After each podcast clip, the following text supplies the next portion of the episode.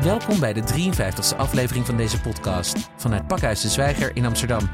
Mijn naam is Maurice Leeky en ik spreek met regisseur en Gouden Kalfwinnaar Samira Rafaela. Op donderdag 28 november gaat haar nieuwe documentaire Ons Moederland in première in Pakhuis de Zwijger. Welkom, Samira. Dankjewel.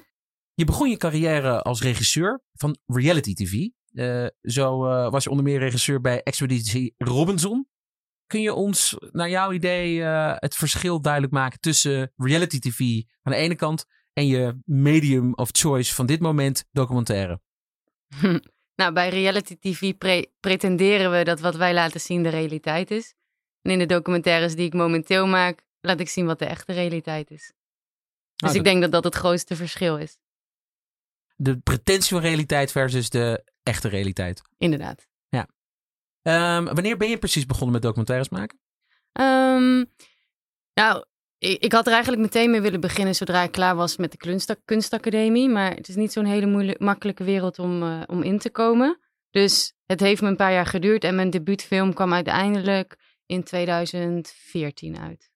En heb je die film, uh, want, dat hoor je dus vaak, dat mensen dat, uh, dat bij allerlei fondsen moeten aankloppen. Of uh, nou ja, goed, bij een omroep om het gefinancierd te krijgen. Heb jij ook zo'n soort odyssee moeten doorstaan voor, om je film te kunnen maken? Oh zeker, maar dat is eigenlijk is dat weer met, met elke film opnieuw. Moet je weer die hele kruistocht maken. Dus ja, zeker. Het duurt eigenlijk altijd nou, in het geval van bijvoorbeeld deze film die ik nu net heb gemaakt, jaren voordat je zoiets rond hebt. Ons moederland, hè? Ja, nou, daar gaan we het straks uh, uitgebreid over hebben.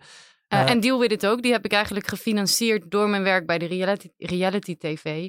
want dat verdient lekker. En toen op die manier heb ik eigenlijk mijn eigen film gefinancierd. In een poging om een voet tussen de deur te krijgen in de documentaire wereld. En dat is gelukt. Want uh, inderdaad, Deal With It, je debuut. Uh, een hele uh, persoonlijke film. je familie speelt daar ook een grote rol in. Want aan de ene kant je vader zit erin en aan de andere kant je broer. Je vader was drugsverslaafd, een dealer. en je broer is ook aan het struggelen in die film. Dat is mm -hmm. even kort samengevat. Hè? van waar de keuze eigenlijk om, om dit hele persoonlijke familieverhaal te vertellen? Nou, ik denk dat het belangrijk is dat we verhalen delen met elkaar. En uh, zeker dat we verhalen delen die misschien over thema's gaan waar we het moeilijk vinden om over te praten. En in onze Caribische cultuur is drugsgebruik nog best wel een groot taboe. Tegelijkertijd zijn er een heleboel mensen die met dezelfde pijn te maken hebben als, um, als ik en mijn familieleden. Um, en ik dacht, ja, ik ben een verhalenverteller. Het zou bijna zonde zijn als ik uh, als ik die kracht vergooi aan alleen maar dronken BN'ers filmen die van een uh, schans springen. Expeditie Robinson, ja. Iets in die richting. Dus um, ja, en, en, ik vond het gewoon belangrijk om, om, om hun ook een gezicht te geven in plaats van dat ze een soort ongeziene mensen in onze maatschappij waren en bleven. Je vertelt uh, in, in, uh, in onze Caribische cultuur, want jij hebt een Caribische achtergrond. Ja, net als jij, maar dat zien de mensen natuurlijk niet. Dat zien de mensen niet, inderdaad. Dus daarom, uh, als ik jou beschrijf, dan zou ik zeggen, nou, een, uh, een, een, een, een, dame met een, uh, een mooie zonnige kleur, licht getint, met, met prachtig bruin krullend haar. Maar waar je inderdaad een beetje van zou kunnen zien dat ze uit, nou, uit Zuid-Amerika of het Caribisch gebied komt. En heel specifiek, waar, waar kom je vandaan? Nou, mijn moeder is Nederlands, mijn vader komt van Curaçao en ik ben zelf op Aruba opgegroeid. En, dus zeg het maar. Ja, maar. wat is mijn land? Wat is jouw land? Maar waar ja. voel je jezelf het meest verbonden mee? Um, met Aruba. Ik denk dat, dat dat is omdat ik daar mijn meest vormende jaren heb doorgebracht. Uh, en vanuit daar ook naar Nederland ben gekomen om te studeren. Dus Aruba is wel mijn thuis. En dat is ook de plek waar ik zodra ik vrij ben naartoe terug probeer te gaan. En Samira op Aruba, was dat een meisje wat altijd al droomde van een carrière in de media en in de film en de kunsten? In de kunsten, ja, zeker, zeker. Ik, uh, ik vond laatst toevallig een, een briefje wat ik heb moeten schrijven toen ik uh, 17 was, waarin je studiekeus moest motiveren. En daarin had ik letterlijk opgeschreven, ik wil kunst doen, omdat ik op die manier verschillende culturen kan leren kennen. Omdat ik op die manier een boodschap aan de mensen kan uitdragen. Wel grappig, want ik was 17, dus geen idee welke boodschap ik dacht te vertellen te hebben. Um, uh, en dat ik hoopte dat ik op die manier ja, dus mensen kon bereiken. Dus het is wel iets iets wat ik altijd al al wilde en voelde. Ik wist alleen niet dat per se film mijn gereedschap zou worden. Dat, dat ben ik later pas achtergekomen. Historisch document, hè? Gooi het niet weg. Uh, misschien wordt het ooit nog eens in het uh, filmmuseum of in AI uh, hoor. tentoongesteld. als je nog een twintigtal films verder bent. Hey Samira, ehm, dit documentaire, eh, hè, nog even terug naar jouw debuut. Uh, Deal with it, je, je wijkt niet voor het ongemakkelijke. En ook Nee. zelfs uh, nou ja, voor, voor best wel de, de heftigheid. Hè. Er, er komt drugsgebruik in uh, die film voor. Maar ook strafbare feiten. Want drugsgebruik hebben we even onderzocht, uh, is op zichzelf niet, niet strafbaar. Maar drugsbezit wel. En, en winkeldiefstal komt bijvoorbeeld ook in je film voor. Uh, en je protagonisten, uh, dus ja, de hoofdpersonages in jouw film, lijken daar niet per se problemen mee te hebben. Mhm. Hoe krijg je ze zover dat ze dan. Hè, ze zijn in beeld, ze weten dat het, die informatie tegen hen gebruikt kan worden vanwege reputatie of misschien wel politie. Hoe Mhm. krijg je ze zover dat ze gewoon dat toelaten dat jij dat filmt? Kijk, dit is natuurlijk mijn familie. Dus mijn familie vertrouwt op, uh, op mijn integriteit en op dat, de manier waarop ik hun in beeld breng. Uh, dat ik dat met, met liefde doe. Right? Tegelijkertijd is dit ook gewoon de wereld waarin zij leven. Dus hoe gek dat dan misschien ook voor een buitenstaander of heftig dat voor een buitenstaander overkomt, voor hun is dit gewoon het normale dagelijkse leven. Dus in die zin uh, was er niet een heel groot dilemma om, om dat te laten zien of om hun zover te krijgen om dat uh, te laten zien.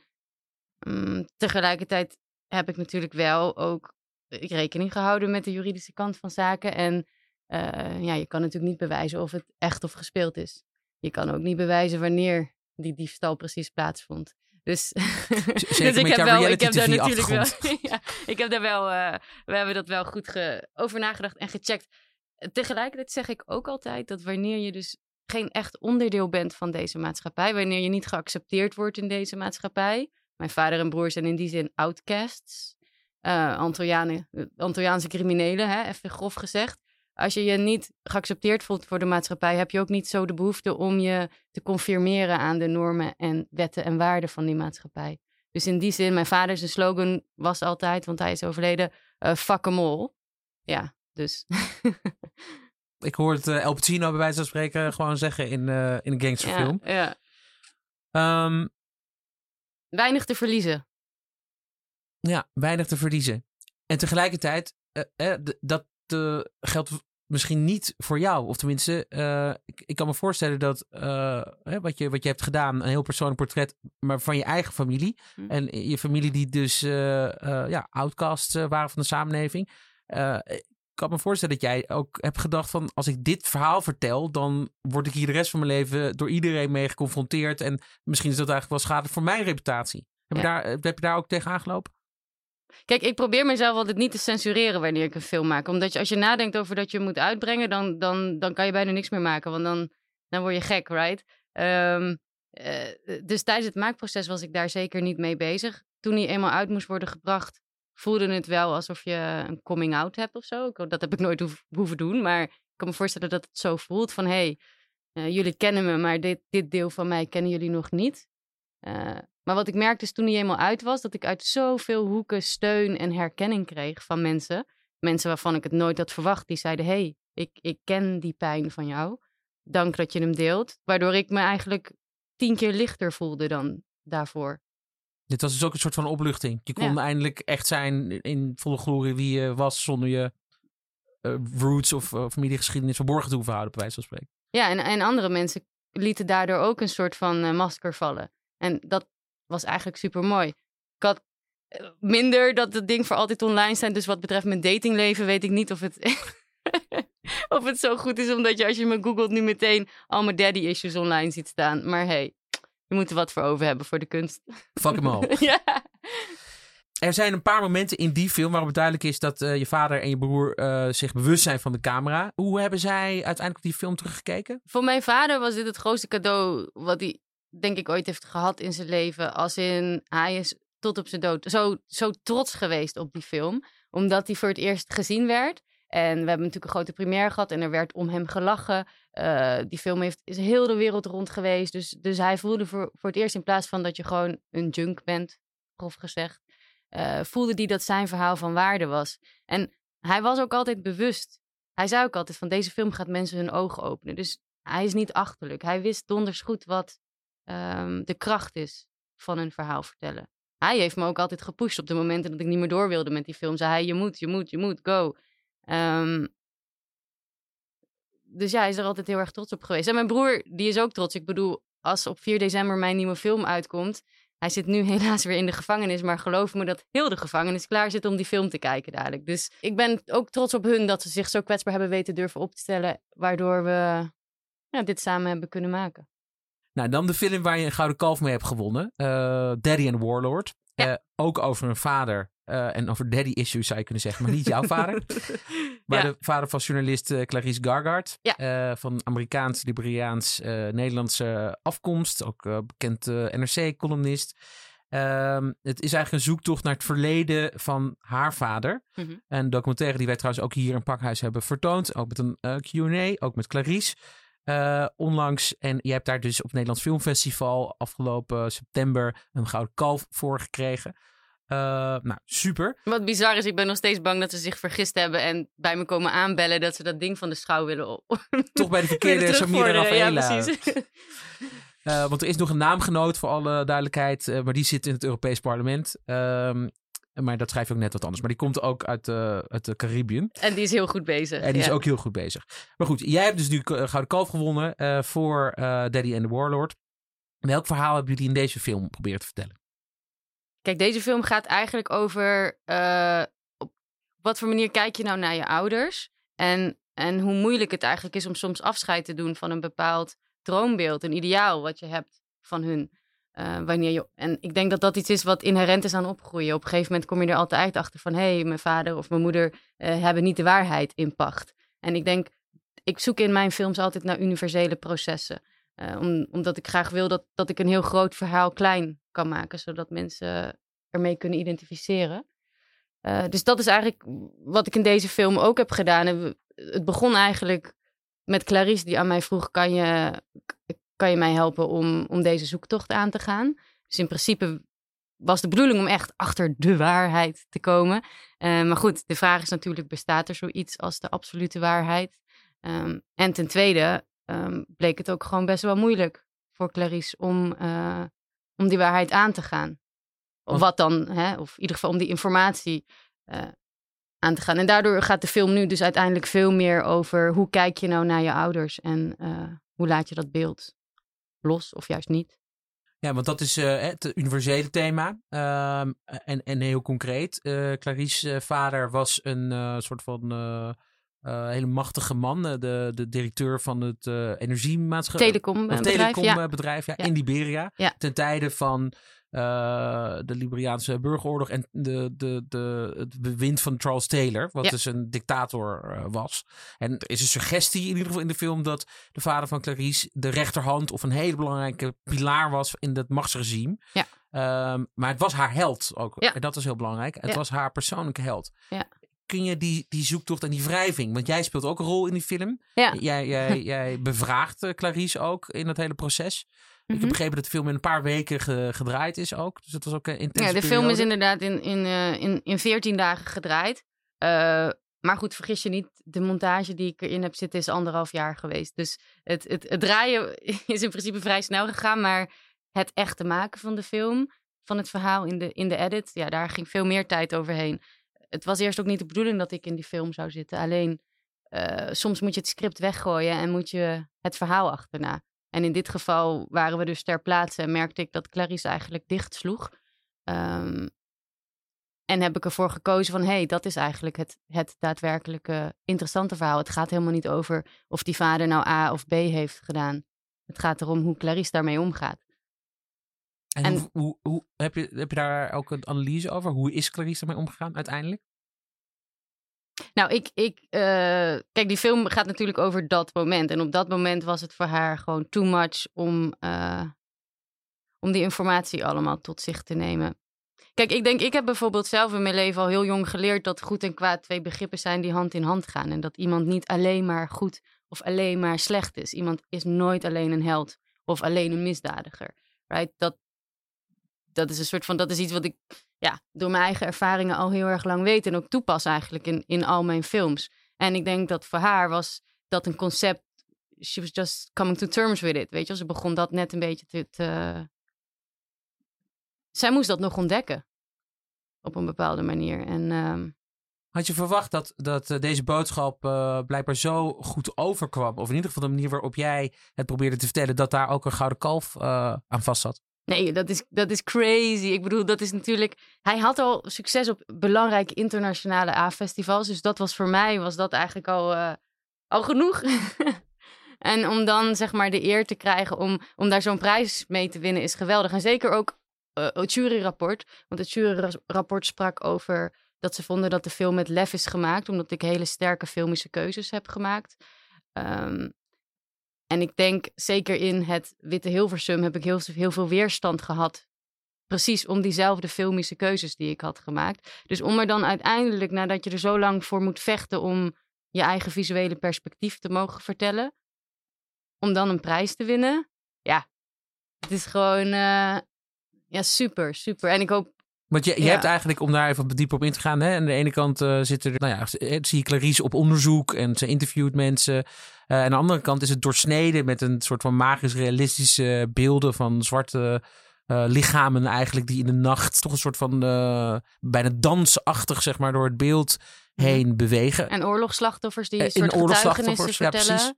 Ja, ja, Maar ik ben heel erg weggebleven Dus van... het heeft iets eh, heel sferisch ook. ja. Dus het, het heeft echt een, een. Er zijn meerdere lagen in die film. En ook in, eh, in de soundscape en het geluid heb ik geprobeerd om er een soort van eh, beklemmende nachtmerrie eigenlijk eh, van te maken. En ik denk omdat, kijk, ik ben gewend aan de Caribische kleuren op mijn netvlies. En in dit geval waren dat kleuren die ook daar terugkwamen in het land. In de, in de geuren, in de kleuren, in de warmte. Dus ik vond het heel vond het belangrijk om dat dan ook zeg maar toe te passen in, in die film. En om niet voor een soort cliché plaatjes te gaan van marktjes of van zielige slachtoffers die littekens hebben, et cetera. Dus daar blijf ik heel ver weg van. En het is inderdaad veel meer een, een gedicht, bij wijze van een visueel gedicht. Weer dit familiethema, hè? eh, vaders en dochters. Is dat, is dat voor jou ook een, een, een eh, rode draad in al je werk? Zal dat altijd een, een, een eh, fundament zijn waarop je blijft werken, familie? Ik hoop, nou ja, ik, ik, hoop, ik hoop het eigenlijk niet. Ik, eh, ik zei ook na die film eh, van ja, nu ben ik echt klaar met vaders. Maar ik heb ondertussen, ik heb ook nog een kinderfilm gemaakt over een jochie met zijn vader. En eh, deze film eh, die ik nu uitbreng, Ons Moederland, zie je eigenlijk de hoofdpersoon ook weer heel erg als vader. Dus ah, eh, ik probeer er vanaf te komen, maar het blijft. Alleen, ik heb er zelf ook over nagedacht van wat is dat nou? Volgens mij is de rode draad in mijn werk niet vaders, maar bad guys. En ik denk ehm, die dan soms toevallig ook vader zijn. Eh, dus ik denk dat ik dat, dat, en dat is zeker iets waar ik in de toekomst nog meer mee wil. Met dus het bad concept guys. bad guys en, en, en of slechte mensen, zeg maar. En dan vooral eigenlijk die, ehm, die hoe zeg je dat? Die, Die andere kant ook Ja. van de bad guy. ja, ja, Die, die, ja, precies. die multifacetten aan iemands karakter, ja. Nou, die multifacetten, die zien we waarschijnlijk ook terug. Want eh, nogmaals, wij hebben hem nog niet gezien. Want hij gaat pas volgende week in première. Dus het is allemaal erg spannend. Maar we weten wel waar die, die nieuwe film over gaat. Ons Moederland. Het Ja. gaat over het dagelijks leven van Constant Kusters. En Constant Kusters is de omstreden politiek leider van de extreemrechtse partij, de Nederlandse Volksunie. Ja, waarom dit onderwerp? Waarom dit onderwerp? Ja, sowieso allereerst, de film gaat eigenlijk niet over Constant Kusters. Ik gebruik hem zeker wel als een vehikel om mijn verhaal te vertellen. Maar de film is veel meer een essay over de Nederlandse maatschappij. Het is, het is zeker geen portret van hem. Het is, eh, ik plaats hem eigenlijk in de Nederlandse geschiedenis ehm, en in het heden. Waarom deze film? Waarom dit Eh, onderwerp? mhm. Het, het heeft twee kanten. Aan de ene kant eh, had ik het gevoel dat ik me steeds minder op mijn plek voelde in Nederland een paar jaar terug. Zwarte Piet discussie die, eh, die begon toen eigenlijk net een beetje. En in één keer hoorde ik om mij heen allemaal mensen die ik eigenlijk allemaal prima hoog had zitten. Dingen zeggen waarvan ik heel erg schrok. Waarvan ik dacht, oh, is dit wat er onder de oppervlakte eh, speelt? Dingen zoals? nou ja, over ze moeten niet met hun poot aan onze cultuur komen en eh, dat soort dingen. Je kent de uitspraken wel. Dat was voor mij eigenlijk een reden dat ik dacht, wow, wacht even, we, we drijven steeds verder van elkaar af.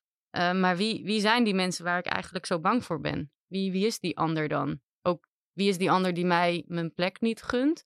En tegelijkertijd was het zo dat natuurlijk met die eerste film Deal With It over mijn vader en mijn broer, hun zijn voor sommige mensen de vijand. Het monster onder mensen hun bed. Ik bedoel, criminele Antillianen, veel enger wordt het niet. Oeh. Um, tussen haakjes, die zien jullie nu niet. Um, en, ik, en ik heb hun geprobeerd te portretteren via een soort van humaniserende blik. En toen dacht ik, toen ik daar klaar mee was, van hé, hey, wat als ik dat script nou, if I flip the script, wie is mijn grootste vijand? En, um, en, en, en lukt het mij om ook met hun die, die confrontatie, of niet die confrontatie aan te gaan, maar lukt het mij om, om met hun een film te maken? Omdat ik vind dat je jezelf ook moet uitdagen. Dat is op zijn minst een conversatie. Dus tweeledig uh, waarom ik deze film wilde maken, ja. Ja, Rob Schreuder maakte in 2006 ook al een documentaire, een tegenlichtdocumentaire voor Volk en Vaderland over die Nederlandse Volksunie. En daarin speelt ook Constant uh, Kussers uh, een rol. Hij is er sowieso al vanaf het begin aan bij betrokken. Hardcore. Ja, over de film ontstond toenertijd ophef omdat het kort voor de gemeenteraadsverkiezingen werd vertoond. En sommige mensen vonden dat de kritische noot ontbrak. Hoe ga jij in jouw film om met de gevoeligheid van het onderwerp extreemrechts? Ik moet zeggen, mensen reageren ontzettend heftig op dit onderwerp. Zelfs mensen die de film nog helemaal niet gezien hebben, hebben echt hun mening um, al klaarstaan. En dat is iets wat ik uh, interessant vind. En ik denk ook dat wij uh, de rol van kunst in de maatschappij, of de OCU's, is volgens mij ook om mensen een beetje aan te stoten, om mensen een beetje te provoceren, ook om mensen ongemakkelijk te laten voelen. Dus het feit dat hier ophef over zou ontstaan, uh, is volgens mij niet per se een slecht iets. Ik denk, uh, het is ook een film waar, als we zeggen over Rob Schreuders film, dat er geen kritische noot in zat. Uh, bij mij zal je ook niet een voice-over aantreffen die heel duidelijk een moreel kompas aangeeft. Uh, dat doe ik namelijk in geen enkele van mijn films. Ik zeg altijd, wie je bent is wat je ziet in mijn films. Right? Dus daardoor kan je ze op verschillende manieren interpreteren. En ik dacht, ik ga nu niet van mijn receptuur afstappen, alleen omdat dit een ander soort onderwerp is. Maar dat maakt het wel spannend, ja. Maar je snijdt de, de beelden van Custard, die versnijden met archiefmateriaal. Waarbij dus in ieder geval op zijn minst de, suggestie van een vergelijking wordt gelegd. Mm -hmm. Met bijvoorbeeld hedendaags politici, maar ook politici ja. uit het verleden. Kan je daar wat meer over zeggen? Ja, want ik denk ook dat het een misvatting is uh, dat je alleen maar kritiek zou kunnen leveren in een film door middel van een hele duidelijke wijzende vinger. Um, ik heb inderdaad een heleboel archiefmateriaal ingezet, omdat ik heel graag wilde laten zien van, hey, uh, hoe staat deze man nou eigenlijk in onze geschiedenis? je kan zoiets op twee manieren benaderen. Je kan hem als persoon gaan ontleden en denken, misschien heeft hij een slechte jeugd gehad, et cetera, et cetera. Of je kan denken, hey, iemand is ook een product van, van de maatschappij. Dat is natuurlijk altijd zo. En ik wilde eigenlijk door middel van archiefmateriaal laten zien hoe hij nummer één niet alleen staat, maar ook hoe zijn gedachtegoed eigenlijk altijd al aanwezig is geweest. Het gedachtegoed van witte superioriteit. In de manier waarop Nederland om is gegaan met alle nieuwkomers. En dan heb ik het over imperialisme, slavernij, uh, gastarbeiders. Uh, we hebben natuurlijk een hele lange geschiedenis. Ja? ja asielzoekers. asielzoekers. de Molukken. Ik bedoel, uh, goed, ik, ik, het was eigenlijk te veel. Ik, ik, heb het niet eens allemaal in mijn film kunnen stoppen. De dingen die vroeger gezegd werden, die zeg maar totaal niet konden, zijn nu eigenlijk gewoon gemeengoed geworden. Als je kijkt hoe vroeger Janmaat werd verguisd. Maar alles wat hij zegt, is nu gewoon bij wijze van uh, de VVD die dat ook gewoon zegt. Dus in mijn film zegt mijn hoofdpersoon ook: luister, ik ben niet geradicaliseerd. Iedereen is mijn kant op gekomen. En ik denk dat dat ook de boodschap is van de film: van hé hey jongens, let op, uh, de geschiedenis herhaalt zichzelf. En er is een bepaalde groep mensen in Nederland die zich op dit moment super comfortabel voelt bij uh, hoe, hoe het loopt. En als, als zij zich zo als overwinnaars voelen, dan moeten we misschien toch gaan nadenken met z'n allen ja, welke kant we op aan het gaan zijn en willen gaan. Waar gaat het dan eigenlijk naartoe volgens jou? En gaat jouw docu daar dan ook een rol in spelen? Of zal die straks bij de VPRO worden uitgezonden en in Pakhuis Zwijgen worden vertoond? Voor, laten we zeggen, de progressieve groepgemeente ja. worden ja, ja, uh, gezien. En, en dan uiteindelijk voorbij gaan aan alle mensen die, laten we zeggen, niet naar de VPRO kijken of in het pakhuis komen. Ja, dat hoop ik niet. Want ik, ik vind er niks zo stom als spreken voor eigen parochie. Uh, dat is gewoon zonde. Ik heb uh, een heel goed impact team, zo heet het dan tegenwoordig. En um, zij zijn heel erg bezig met uh, bijvoorbeeld schoolvoorstellingen, voorstellingen voor jongeren, met ook gesprekken daaraan gekoppeld. Van hey, hoe kunnen we nou met z'n allen in deze multidiverse samenleving wonen met elkaar? Want we moeten toch met elkaar omgaan. Hoe dan ook. Ik bedoel, je kan het niet leuk vinden, maar iemand als Constant Kusters, hij is er nou eenmaal. Hij gaat niet weg doordat we doen alsof hij niet bestaat. En jij en ik, en andere mensen die misschien een migratieachtergrond hebben, die zijn er ook. En wij zijn volgens mij ook niet van plan om weg te gaan. Behalve in de winter, dan denk ik altijd wel, laat maar. maar... Dat heb ik ook een beetje, ja. ja ehm, dus goed, ik, ik hoop dat we met z'n allen in gesprek kunnen gaan. Ook naar aanleiding van, van deze film, zeker. ik, ik vind alleen het feit al dat ik het, dit met die man heb kunnen maken, met z'n tweeën, stemt toch in een way hoopvol. Hey, en hoe is zo'n constant kusters dan? Is dat, is dat ook uiteindelijk iemand die, uh, die je misschien ook wel gewoon aardig vindt? Ondanks het feit dat je misschien met zijn ideeën niet eens bent? Mm. Kijk, als je een film maakt met iemand, bouw je altijd een band op. Dat, dat kan niet anders. Uh, ik ben respectvol ontvangen in, in zijn gezin. Ik, heb, ik ken zijn kinderen nu natuurlijk al jaren. Komen zij ook volgende week naar Pakhuizen Zwijger? Ze zijn uh, van harte ja. welkom de, kin de, kinderen die moeten helaas, het is iets te laat, dus die liggen dan om in bed. Hij komt zeker. Um, hij is ook trots op die film. Zijn kinderen zijn ook trots op die film. Um, dus je, je bouwt natuurlijk een, een, band op met mensen. En ik, heb, ik waardeer het dat zij mij hebben toegelaten in hun leven. Ik ben zelfs bij de geboorte van zijn kind geweest. Ik bedoel, dat is niet zomaar iets. Wat ik heel interessant vind aan die film is dat eigenlijk heel veel dingen die zij zeggen hetzelfde is als dingen die wij zeggen. En ik hou niet van praten in zij en wij, maar dat is nu eenmaal zo. Bijvoorbeeld, er zit een scène in waarin zijn dochter huilend thuiskomt, omdat ze gepest is dat ze een nazi-dochter is. En dan moet ze ontzettend huilen. En haar moeder troost haar en haar moeder zegt van ja, ze denken dat we beesten zijn, maar wij zijn toch ook maar gewoon mensen. En die, dat vind ik zo'n soort van um, mindblowing. Dat we dus eigenlijk in allebei de kampen een soort van, je zou het bijna gewoon kunnen omswitchen. Switch the script. Ja, ja, ja, fascinerend eh, vind ik dat. Je hebt natuurlijk uh, constant kusters uh, zover weten te krijgen uh, om hier aan mee te werken. Hoe heb je dat gedaan? Nou, ik heb hem gewoon opgebeld. Ik heb, ik, ik, heb op internet gezocht van wat is nou, wie is nou de meest verguisde man van Nederland op dit vlak? Wie is de, de, de engste, zeg maar? Nou, toen kwam hij uit mijn zoekmachine. En um, toen heb ik hem gewoon opgebeld. En twee uur lang met hem aan de lijn gezeten. En ik lieg nooit tegen mijn hoofdpersonen. Dus ik ben gewoon eerlijk geweest van... hey, ik lees op internet dat je een nazi bent. Maar is het zo zwart-wit? Wie, wie ben je eigenlijk? En op die manier uh, ja, zijn, we, zijn we het contact met elkaar opgestart. Maar goed, hij wist natuurlijk, uh, laten we zeggen, in welke hoek uh, je zat. Uh, ik bedoel, had hij geen moeite om met jou toch verschillende kijk op het leven... om, om juist met jou dan deze film te gaan maken? Want hij had natuurlijk ook laten we zeggen, in, ook weer in een hoek gezet kunnen worden door jou hmm. in die film. Ja, we zijn ook wel zeker wantrouwen geweest naar, naar elkaar toe.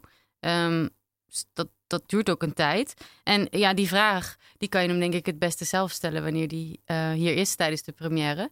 Uh, want dan kan, hij, dan kan hij dat zelf beantwoorden. Um, wat wel zo is, is dat ik persoonlijk, ik ben, als ik daar ben als filmmaker, ben ik niet Shamira ik ben daar om een verhaal te vertellen. Dus ik laat me op geen enkele wijze eigenlijk in discussies lokken uh, over mijn standpunten. Want dat is niet waar ik daarvoor ben. Ik ben daar niet om met hem in één op één strijd uit te vechten. Ik ben daar om, om de realiteit vast te leggen. Dus in die zin uh, koppel je jezelf ook altijd een, een, beetje los. Ik stel me voor dat een dokter dat ook doet wanneer die uh, een mensenlichaam open moet snijden.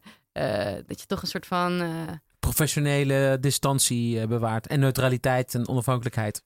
Ja, en dus ook dingen niet te persoonlijk aantrekt die je ziet en hoort. Is er iets geweest waardoor je, laten we zeggen, iets van sympathie voor hem hebt uh, gekregen? Moeilijke vraag, moeilijke vraag. Kijk, sympathie voor hem als mens of sympathie voor zijn denkbeelden? Dat zijn sowieso twee hele verschillende dingen. Eh, zijn denkbeelden stonden en staan nog steeds lijnrecht tegenover hoe ik naar de wereld kijk. Uh, voor wat betreft hem als mens Eigenlijk was het wel een, uh, bijna een geruststelling om te zien dat hij gewoon een normale, saaie huisvader is, om het even gechargeerd te zeggen. Uh, omdat als je het licht aan doet, dan blijkt dat monster onder je bed dus soms een stuk minder angstaanjagend dan je hem in je hoofd had gemaakt. Een beetje zoals jouw vader. daar staat wel tegenover dat uh, wat een stuk enger is, wat er eigenlijk naar boven kwam in mijn contact met hem, is het feit dat hij zo midden in de samenleving staat. En dat hij gewoon vriendelijke buren heeft die hem groeten. En dat hij in de medezeggenschapsraad op school zit. Dat zijn uh, leden voetbalcoach zijn op zaterdag. Dus dat dit geen mensen zijn die ergens in de gedrochten eh, van de samenleving in een grot wonen, maar eh, gewoon midden in de maatschappij staan. En dat, dat vind ik persoonlijk een stuk schokkender, want bij hem weet je in wezen wat je aan hem hebt. Denk je dat er veel mensen zijn die denken wat Constant Kusters denkt, of wat Ja. de NVU denkt, maar daar niet zo openlijk voor uitkomen? Nou, en, en sterker nog, ik vrees dat mensen daar tegenwoordig best wel openlijk voor uitkomen. Ja, Wat is ze zijn denken. En boodschap heel veel van- mainstream geworden in onze Nou, maatschappij? dat is in ieder geval als je mijn film kijkt, be- bekruipt je dat idee inderdaad wel. Ja, als je hoort. Kijk, ik, ik laat ook zien bijvoorbeeld de, de politie die etnisch profileert, de huizenmarkt waar racisme is, uitzendbureaus die discrimineren, die denkbeelden van wij zijn beter dan de ander, die worden inderdaad niet door iedereen uitgesproken, maar zijn wel geïnternaliseerd in, in het systeem waarin wij leven en waar wij allemaal onderdeel van, van uitmaken. Dat en daarnaast heb je nu dan helaas ook een hele grote groep mensen die dit wel gewoon eh, in de openbaarheid schreeuwt. Ik bedoel, gisteren nog een voetbalwedstrijd waar het. eh, Maar het helemaal weer misging, FC, misging. eh, FC Ja. Den Bosch. ja, en dat zijn niet allemaal aanhangers van de Nederlandse Volksunie. Dat zijn gewoon eh, jouw buurman. En maakt je dat boos? Het, het maakt mij eh, boos, het maakt me verdrietig. Ja, en ook bang? Nou, het, het maakt wel dat ik denk: hé, hey, eh, waar gaan wij naartoe? Want als we dit blijven ontkennen, wat we eigenlijk de afgelopen jaren doen, als we dit blijven ontkennen, groeit het alleen maar door als een soort kankergezwel wat je niet behandelt. Maar ja, die behandelingen, dat, dat is eigenlijk natuurlijk de vraag. Ik bedoel, daar kun je nu misschien niet 1, 2, 3 antwoord op geven, want nou, je bent geen dokter. Nee. Maar is er een vorm voor behandeling mogelijk? Want de laatste keer dat, dat, dat, laten we zeggen, dit soort sentimenten hard tegen elkaar ingingen, zeg maar, dat was misschien wel zo rondom de Tweede Wereldoorlog. Mhm, mhm. Dus waar Mhm. gaat dit dan naartoe? Ja, kijk, ik ben in wezen, ik ben altijd een positief persoon. Ook al is mijn film een super naargeestige waarschuwing. Ik denk wel dat er eigenlijk geen ontkomen meer aan is. Eh, we mengen allemaal eh, met elkaar. Dus ik hoop Dus dat we ge- over een paar generaties toch echt een, een paar stappen verder zijn. Maar aan de andere kant wil ik die waarschuwing die ik afgeef met die film ook wel heel serieus nemen.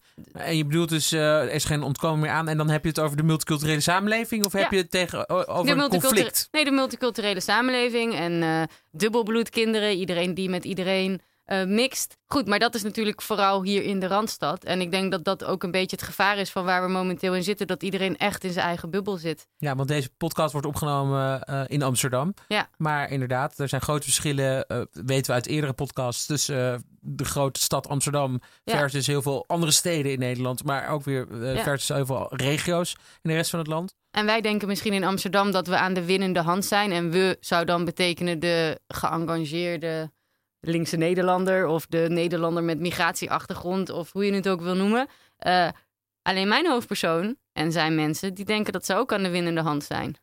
Nou, wat denk Dus jij? Ik probeer met deze film een zaadje te planten, right? Of in ieder geval het debat te openen. En er zijn een heleboel wetenschappers, sociologen, politicologen die hier eh, veel meer zinnige dingen over te zeggen hebben dan ik. Nou, dankjewel eh, Samira voor de film. Dat is inderdaad zeker het eerste eh, eh, zaadje wat geplant is in de voortzetting van dit gesprek, wat al een aantal generaties eigenlijk duurt. Ja. Volgende week donderdag eh, 28 november gaat de film hier in première. Dan gaan we er ook over verder praten. Dus iedereen die daar een bijdrage aan wil leveren, wees van harte welkom. Het is zoals altijd gratis. En ook Constant Kusters zal erbij zijn. Dus Ja. ook met hem kun je in gesprek treden. En ik zou zeggen, kom, kom praten ook. Voor de luisteraars die nu dan eh, volgende week naar Pakhuis de Zwijger gaan komen en later het, eh, de film misschien op televisie gaan zien. Wat hoop je tot slot aan hen mee te geven als een soort van gebruiksaanwijzing eigenlijk bij de film? Wat hoop Ja. je dat, dat ze ervan op gaan steken? Nou, ik zou zeggen, deze film is ontzettend ongemakkelijk. Hij is ontzettend pijnlijk. Hij gaat je waarschijnlijk ook boos maken. Misselijk zijn ook termen die ik wel eens heb gehoord. Zelf heb ik soms moeten huilen in de montage om bepaalde scènes. Ehm, dus ik zou zeggen, durf, durf allemaal te komen en eh, durf, durf het aan te gaan. Dankjewel, Samira Ravela. Beste luisteraars, dit was de 53ste aflevering van de podcastserie van Pakhuis de Zwijger. Benieuwd naar de documentaire Ons Moederland? Kom dan donderdag 28 november naar Pakhuis de Zwijger voor een screening en een Q&A. Wil je meer informatie over de andere programma's van Pakhuis de Zwijger? Ga dan naar www.dezwijger.nl. Een rating achterlaten of je abonneren op deze podcast kan via Soundcloud, Spotify, iTunes of een ander podcastplatform. Dank voor het luisteren en tot de volgende keer. Thank you